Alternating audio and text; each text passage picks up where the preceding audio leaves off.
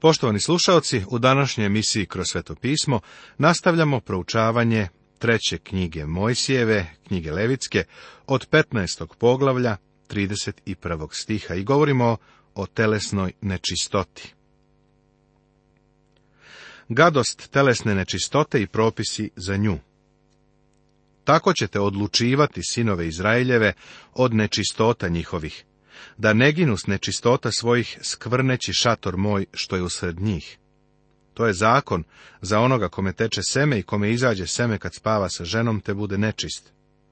I za ženu kad boluje od tečenja krvi svoje, i za svakoga koji boluje od tečenja svoga, bilo muško ili žensko, i za čoveka koji bi ležao sa nečistom.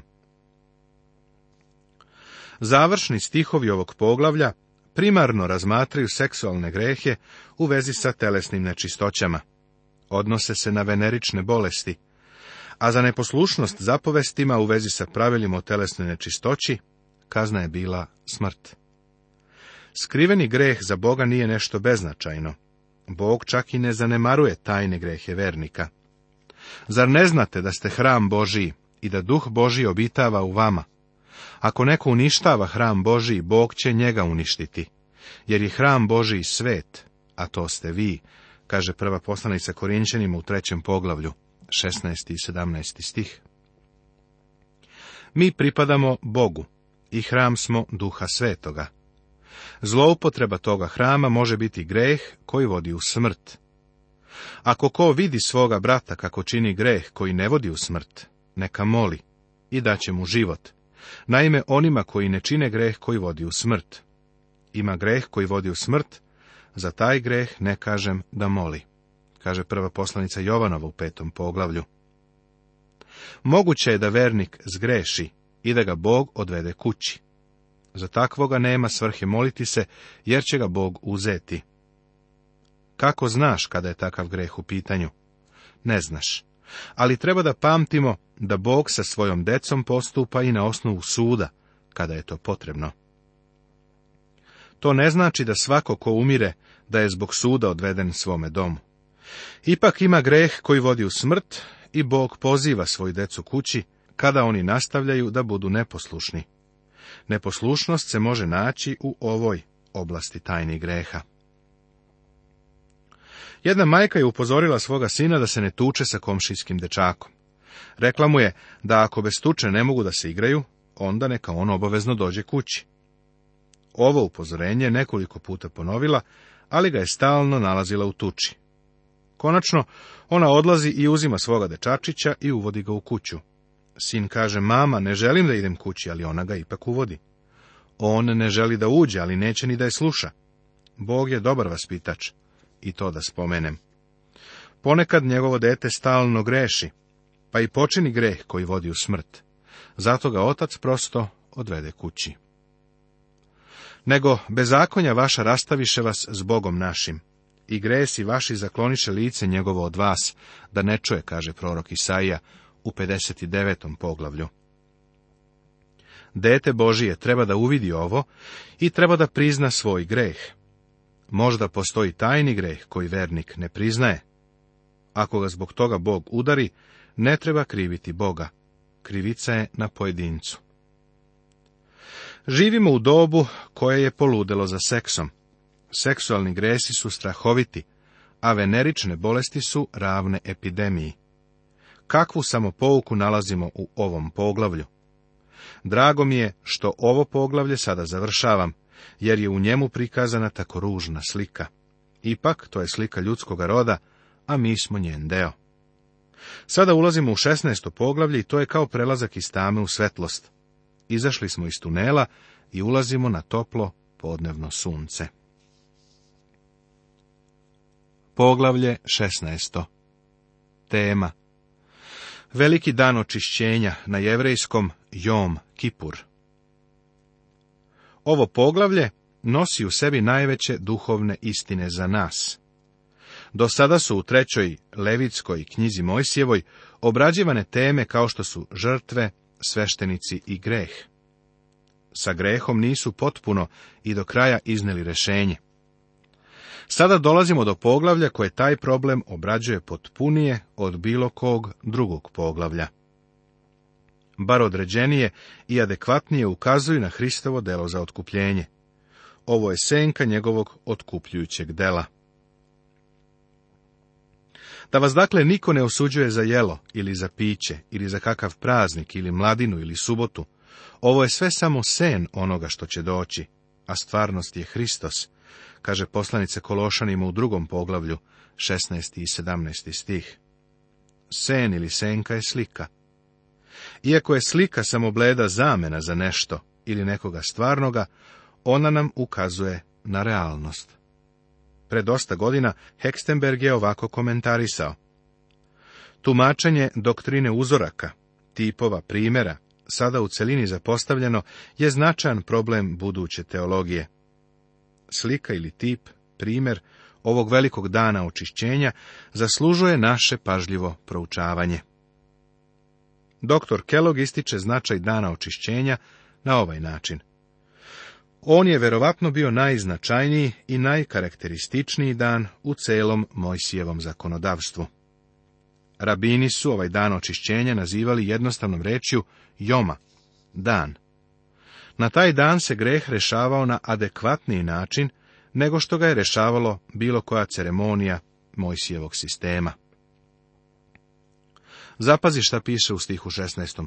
Od prestupa njihovih i u svim gresima njihovim. Pa onda u 22. stihu piše I jarac će odneti na sebi sva bezakonja njihova.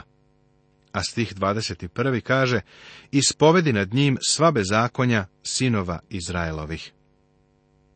On će očistiti sve njihove prestupe, slabosti i grehe. Ovo je bilo najbolje što je zakon mogao da ponudi do Hristovog dolaska. Uputstva i ograničenja za taj dan proistekla su iz jednog istorijskog događaja, iz pobune i neposlušnosti Nadava i Avijuda, Aronovih sinova, kada su oni ušli u svetinju nad svetinjama šatora od sastanka i kada su trenutno pobijeni direktnim sudom Božijim, što je zapisano u desetom poglavlju. Neki pisci ova dva poglavlja zajedno obrađuju. Dan očišćenja se slavio desetoga dana sedmog meseca. U najvećem delu Svetoga pisma ovi brojevi su vrlo značajni. Sedmi je subotni mesec i obeležava prestanak rada. Sigurno nije nezgodno što je taj mesec izabran da se pokaže otkupljenje koje imamo u Hristu. Ko naime uđe u njegov mir, taj je počinuo od svojih dela, kao i Bog od svojih, kaže poslanica Evrejima u četvrtom poglavlju, u desetom stihu. Deset je također istaknut broju pismu i izgleda da nam saopštava ideju o onome što izražava potpunu Božju volju i put. Imali su deset zapovesti. Bog je mogao i druge da im da, ali nije. Bog je zahtevao desetak, a ostatak Izraelaca je također smatran desetkom, prema knjizi proroka Isaije šestom poglavlju 13. stihu. Deset izražava Božiji naum i cilj. Deseti dan izražava istinu da je Hristos došao da ispuni Božju volju. Bogu je bilo po volji da ga bije i muči. Došao je u punini vremena, u pravom času. Reč očišćenje je jevrejska reč kafar, koja znači prekriti. Bog u starom zavetu nije uklanjao grehe. On ih je pokrivao, dok Hristos ne dođe i ne ukloni ih. Ima dosta biblijskih stihova koji nam o tome govore. Ne gledajući, dakle, na vremena neznanja, Bog sada nalaže ljudima da se svi svuda pokaju, kažu dela apostolska u 17. poglavlju. Te se opravdavaju za badava, njegovom blagodaću, na osnovu iskupljenja u Hristu Isusu, koga je Bog postavio kao žrtvu izmirenja, njegovom krvlju, koja se verom usvaja, da se pokaže njegova pravednost, jer je Bog u svojoj strpljivosti opraštao grehe učinjene u prošlosti, kaže poslanica Rimljanima u trećem poglavlju.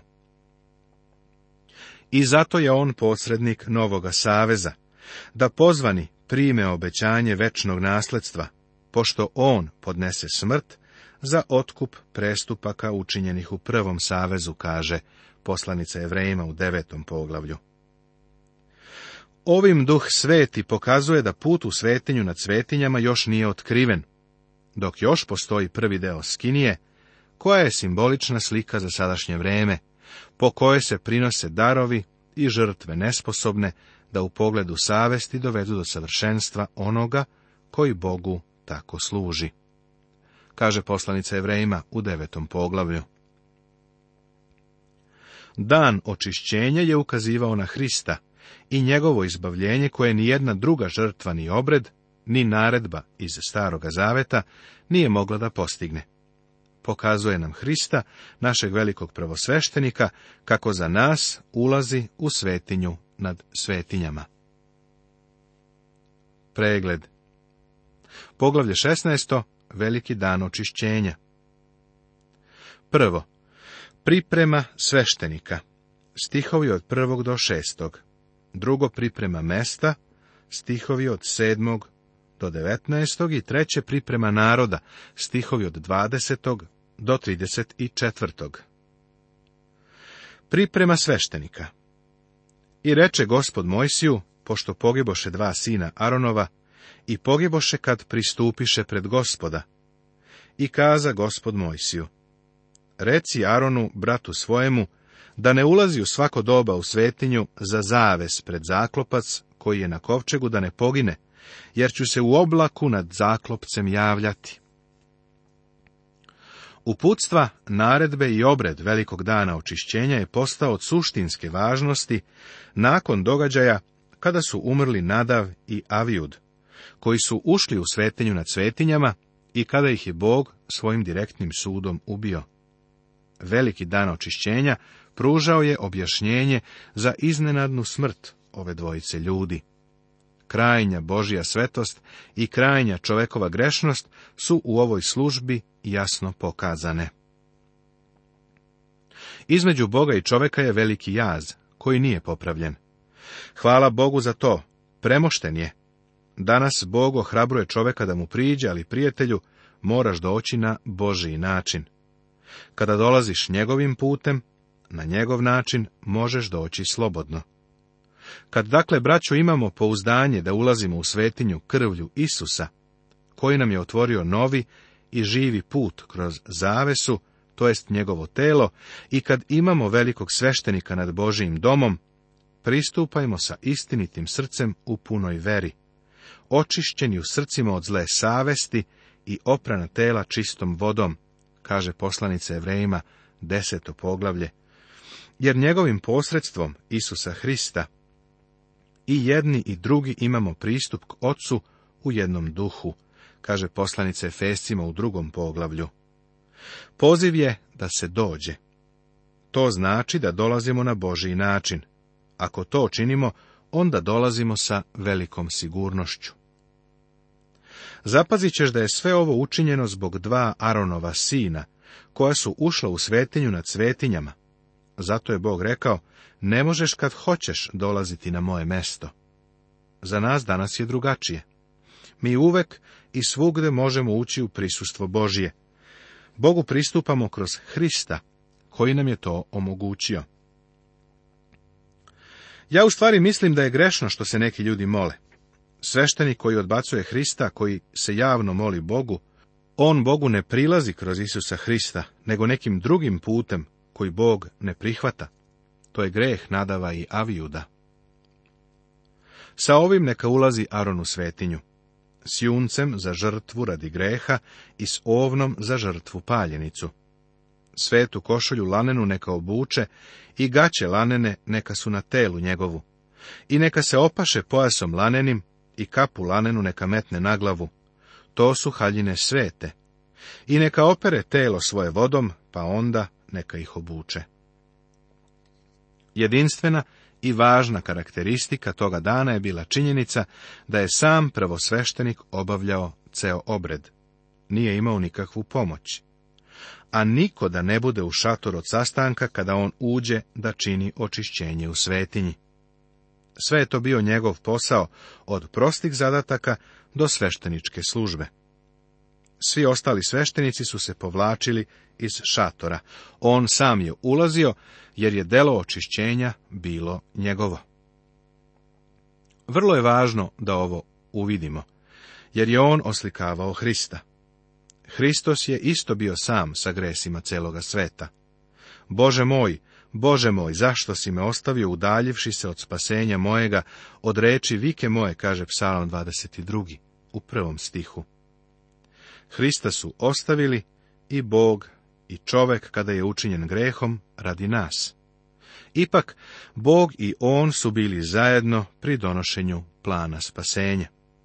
Evo, ide čas i već je došao, da se razbegnete svaki na svoju stranu i mene ostavite sama, pa ipak nisam sam, zato što je otac sa mnom, kaže Evanđelje po Jovanu 16. poglavlju. Ovo je velika tajna, jer Bog je u Hristu pomirio svet sa sobom, kaže druga poslanica Korinčanima u petom poglavlju. Prvo sveštenik je odlagao svoju odeću slave i lepote. Oblačio se u istu lanenu odeću kao i ostali sveštenici. Oprao se i obukao lanenu odeću. Trebalo je da bude čist, ali ne i ukrašen.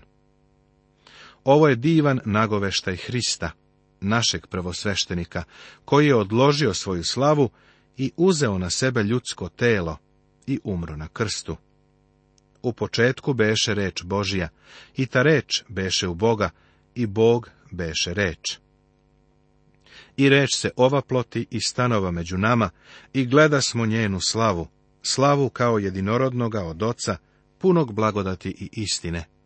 Boga niko nikad nije video, jedinorodni Bog koji je u očevom krilu, on ga objavi, kaže Evanđelje po Jovanu u prvom poglavlju, stihovi prvi, 14. i 18.